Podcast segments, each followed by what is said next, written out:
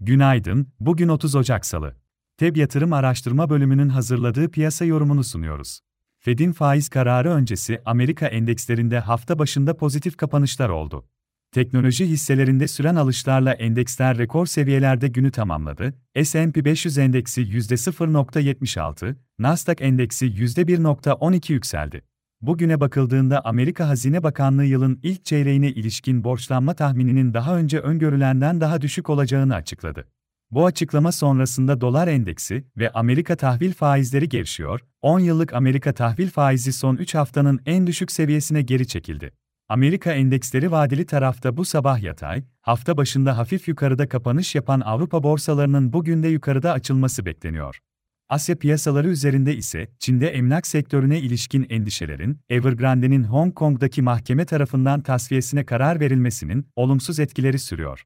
Amerika'da bugün Volts yeni açılan iş sayıları verisi önemli olacak. Ayrıca konut fiyat endeksler ile SİBİ tüketici güven endeksi bulunuyor, yarın akşam Fed'in faiz kararı açıklanacak.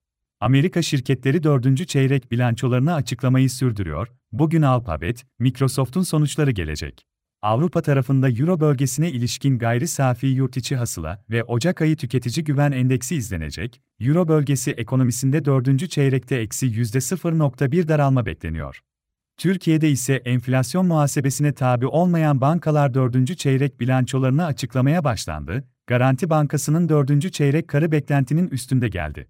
Merkez Bankası zorunlu karşılık oranlarında yeni düzenlemeye gitti, zorunlu karşılık oranları kur korumalı hesaplar için indirirken, döviz cinsinden mevduat, katılım fonu hesapları için Türk lirası cinsinden tesis edilen ilave zorunlu karşılık oranı yükseltildi.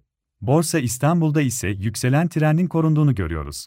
BIST 100 endeksi haftanın ilk işlem gününü %1.50 yükselişle 8472 seviyesinde tamamladı.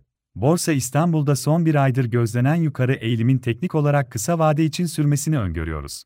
Bugün de genelde olumlu bir piyasa bekliyoruz. Endekste ilk etapta 8600 seviyelerinin test edilmesi beklenebilir. Günlük bazda direnç olarak 8560 ve 8600 seviyelerine bakılabilir. Desteklerimiz 8410 ve 8340 seviyelerinde bulunuyor. Hisse olarak endekste yükselen hareket içinde teknik olarak kısa vadeli alım yönünde Aksigorta, Aselsan, Galata Wind, Göltaş Çimento, İş Bankası C, Kalekim, Torunlar Gayrimenkul, Yapı Kredi Bankası hisseleri takip edilebilir. Piyasaları değerlendirmeye devam edeceğiz. Feb yatırım olarak herkese iyi bir gün dileriz.